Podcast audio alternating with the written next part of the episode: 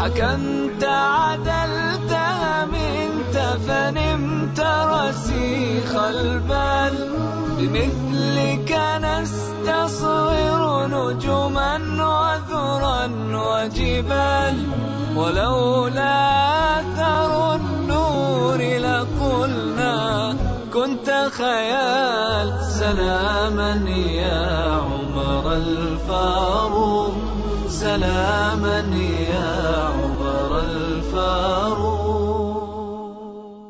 بسم الله الرحمن الرحيم أيها الإخوة والأخوات السلام عليكم ورحمة الله وبركاته. أهلا وسهلا بكم من جديد في حلقة من برنامجكم قصة الفاروق.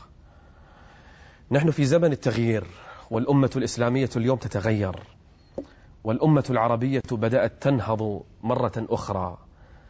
نحتاج لنماذج في تاريخنا ومن أجمل النماذج قصة الفاروق عمر وهو أمير للمؤمنين يقول أنس ابن مالك خادم النبي صلى الله عليه وآله وسلم يقول رأيت عمر دخل حائطا.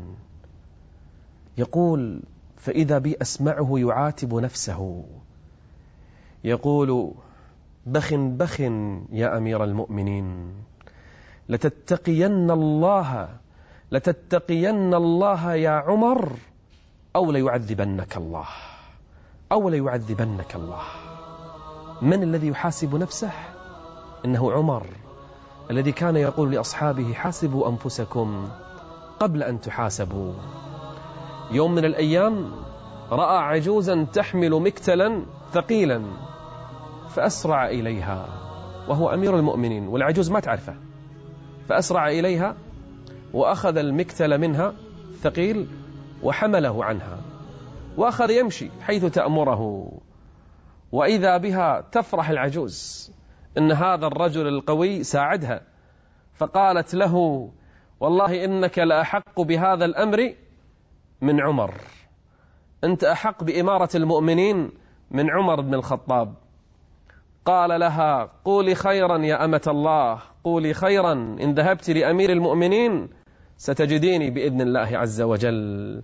تلك الدار الآخرة نجعلها. الآخرة لمن؟ جنة لمن؟ للمتواضعين الهينين اللينين. مو صار مسؤول وشاف نفسه على الناس. شلون صار حاكم هذا؟ هذا إيش بيسوي بأمة محمد؟ عمر زعيم أعظم دولة في ذلك الزمان أطفأت نار المجوس وهدمت عرش الروم. وحكمت الدنيا وهو يحلب الناقة لأطفال لجواري يحلب لهن الناقة ويرعى لخالاته. استمر بهذا الفعل عمر ابن الخطاب. تلك الدار الآخرة نجعلها نجعلها للذين لا يريدون علوا في الأرض ولا فسادا. والعاقبة للمتقين. سلاما يا عمر الفاروق سلاما يا عمر الفاروق يأتي الهرمزان. رسول كسرى. يفاوض عمر. لأن جيوش عمر وصلت إلى مشارف بلاد فارس. خلاص ستنهي تلك الإمبراطورية. فأرسل رسولا ليرى هذا الحاكم وهذا الزعيم الذي خوف الدنيا كلها. فدخل المدينة يسأل, مدينة يسأل عنه. قالوا ابحث عنه في المسجد. ما وجده؟ ربما هنا ما وجده. حتى دل عليه فقالوا له أرأيت ذلك المستلقي تحت ظل الشجرة؟ الناس في أشغالهم وفي أعمالهم وفي وقت القيلولة متوسدا بردته تحت ظل الشجرة نائما لوحده. فقال الهرمزان لمن يقول له قال تمزح معي؟ أسألك عن أميركم عن رئيسكم عن الحاكم. تقول لي هذا النائم لوحده؟ قال نعم. هذا أمير المؤمنين. قال لوحده هكذا؟ قال نعم. لا حرس لا جنود. من الذي يحرسه؟ رب العالمين. حكمت فعدلت فأمنت فنمت. إنه من؟ إنه عمر بن الخطاب رضي الله عنه. الذي لا يأنف أن تقوم له امرأة بين الناس فتصحح له قولا فيقول لها متواضعا أصابت المرأة وأخطأ عمر. أصابت المرأة وأخطأ عمر. يوم من الأيام رآه من؟ عروة بن الزبير.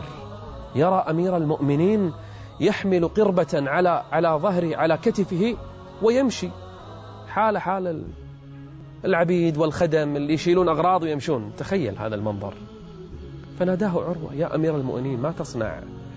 ماذا تصنع بنفسك؟ يعني هذه ليست هيئتك يا أمير المؤمنين. قال يا عروة دخل في نفسي شيء.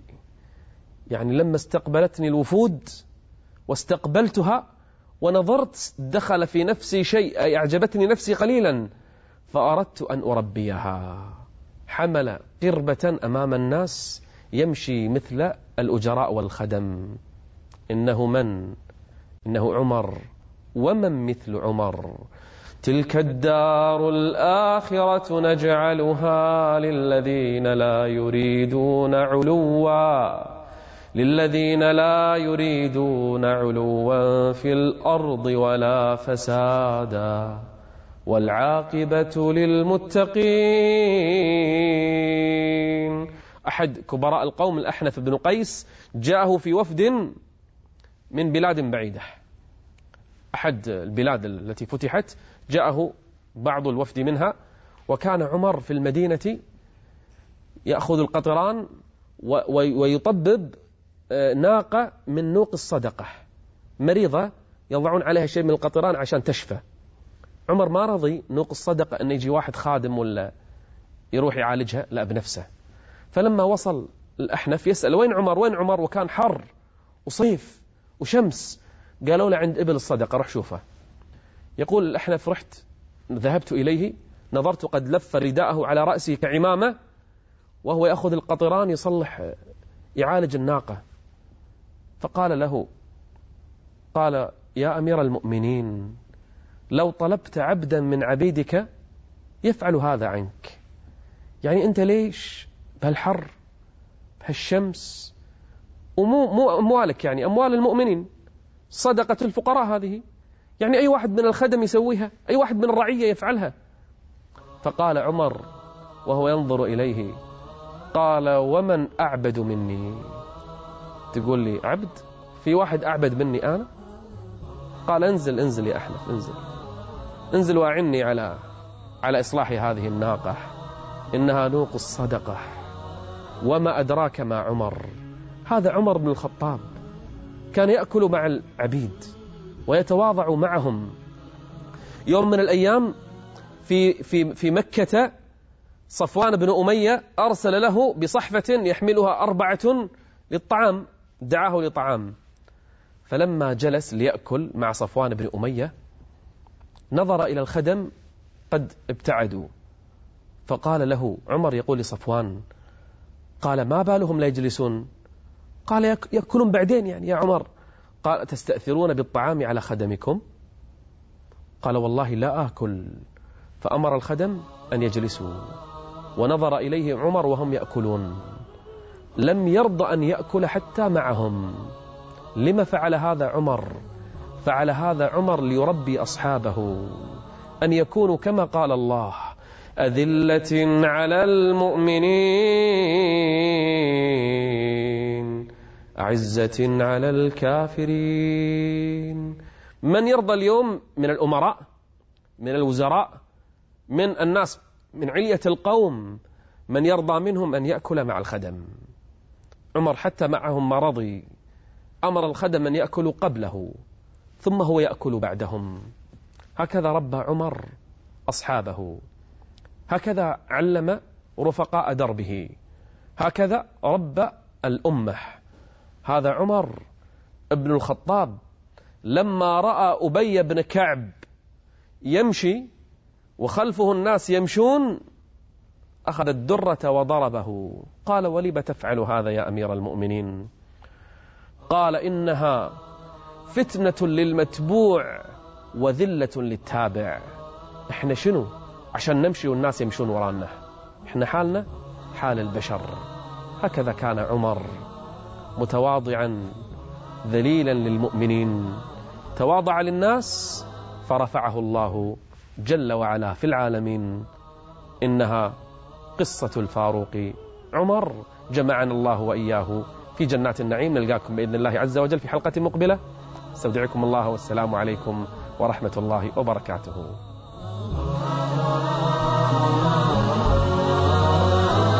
ملأت الأرض بعدلك وفتحت الأمصار وقلت بحق الناس